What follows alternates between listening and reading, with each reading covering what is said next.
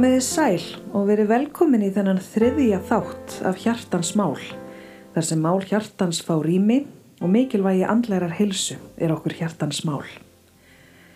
Ég vonaði að hafið átt góða helgi og að þið ykkar sem voruð í vetrafríi hafið notið vel. Eins og áður hefur komið fram þá heiti ég Íris Holm og er þáttastjórnandi en á hverjum sunnudegi munum við fræðast saman um andlega líðan, lesa hugvekjur hjarta og huga og finna leiðir til sátta við okkur sjálf, auk jafnvægis í sál og á líkama. Þátturinn er partur af verkefninu Þú skiptir máli sem er forvarnarverkefni gegn einelti, fíkn og sjálfskaða. Í þessum þáttum gefst fólki kostur á að gefa sínum skrifum rödd og við hvetjum þá sem vilja senda okkur greinar eða hugvekjur til að senda okkur tölvupóst á hjartansmál.irisholm.gmail.com Í þættinum í dag fær grein önnu Lóu Ólafsdóttur rödd en Anna Lóa er mentaður náms- og starfsrákjafi, markþjálfi og jáfnframt stopnandi hamingjuhortsins sem hægt er að finna á Facebook. Við færum önnu Lóu okkar bestu þakkir fyrir og með því hefst lestur á greininni Bognum, brotnum ekki. Ég hef verið hugsi síðustu vikuna. Hugsi yfir því hvað mér finnst við heilt yfir ótrúlega duglegar manneskjur. Mér finnst í raun ótrúlegt hvað við þólum mikla erfileika og áskoranir og þó að það reynir vissulega á okkur þá er sveianleiki okkar og aðlugunarhæfni aðdánarverð. Við sækjum flest eftir innföldum hlutum, lifa í sátt og samlindi, sína samkend og stuðning þegar erfileikar stæði að læra af reynslunni og halda áfram þótt móti blási. Stuttalýsingin að elska og vera elskuð. Við byggjum ekki upp seglu þegar lífið gengur vel. Við uppgötum hana einmitt innra með okkur þegar við tökum stáfið áskoranir og erfiða tíma.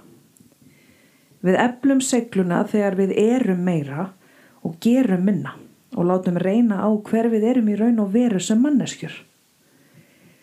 Við höfum þurft að hæja á okkur á liðinu ári sem kemur til út af dollu en við skulum ekki útiloka að við getum hort áfram veginn með uppbyggilegum glirugum. Það þarf auðvitað ekki að taka það fram að ég er á engan hátt að gera lítið úr áskorunum okkar. En ég er búin að skrifa svo marga pirsla um það svo nú tek ég annað tvist. En hvað höfum við verið að fást við á árinu? Jú, á árinu höfum við þurft að vera hlýðinn Við höfum þurft að sleppa mörgu af því sem við höfum áður talið eðlilegan hluta af lífinu og finna okkur eitthvað nýtt til að gera til að krytta hverstasleikan. Við höfum alveg kvartað og kveinað en svo hættum við því og fórum bara hlýða. Við getum nota þessa hlýna á okkur sjálf. Já, hlustað á okkar innri rödd, svona rétt eins og við hlustum á víði. Stundum er röddin búin að vera að segja sama hlutin við okkur í mörg ár en við einhvern veginn ekki virtana viðlits. Kanski er bara alls ekki jafn erfitt og við teljum að hlusta á þessa rödd okkar.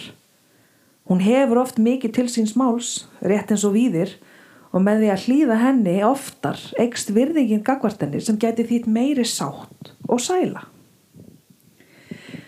Við höfum þurft að sína mikinn aga. Já, fylgja alls konar reglum og ferlum sem okkur hefði aldrei órað fyrir að við ættum eftir að gera. Hvernig væri að nota þennan aga á okkur sjálf? Við getum agað hug okkar, orð og aðtapnir.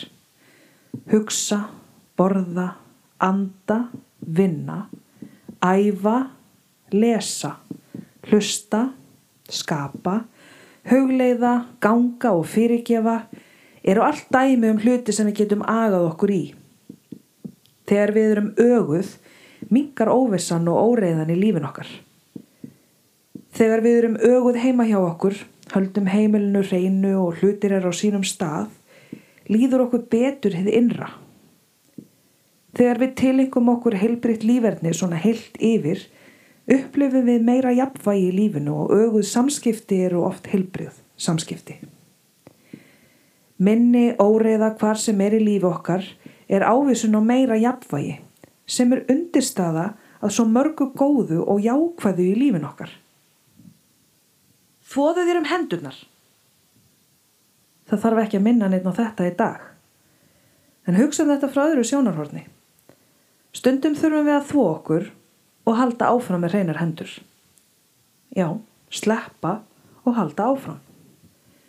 Við þurfum stundum að sætt okkur við að sumum hlutum er ekki ætluð að endast æfina á enda. Ekki vera greina og grubláti það endalösa. Taka hlutina upp og skoða það þar til þið verkjar í augun. Gæti verið gott að setja ekstra mikið af sóttrensunarspritti eða finnst þú alltaf vera þvóðir í svipuðum aðstæðum. En viðu kentu fyrir þér hvenar er tími til að sleppa og halda áfram. Hættu að vera það sem þú varst og vertu það sem þú ert. Við höfum þurft að einfalda líf okkar til muna og því getum við líka eftir okkur í að sjá fegurðina í einfaldleikanum. Hvaða hlutir eru það í raun sem skipt okkur máli? Hvað af því sem við höfum verið að gera hinn síðari ár hefur aukið á streytuna og óreiðuna í líf okkar?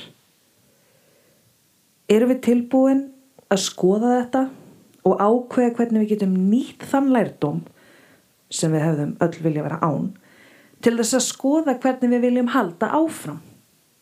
Það skiptir svo miklu máli að vera trúr sjálfum sér en láta ekki aðra velja sannleikan fyrir okkur.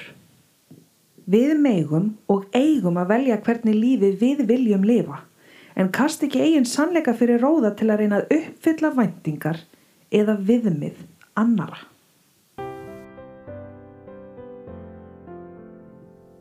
Við þökkum önnulógu enn og aftur fyrir þessa aðsendu grein og um leið vil ég minna ykkur á að ef þið óskið eftir að ykkar efni fái rödd hér í hjartansmál þá er um að gera að senda tölvupost á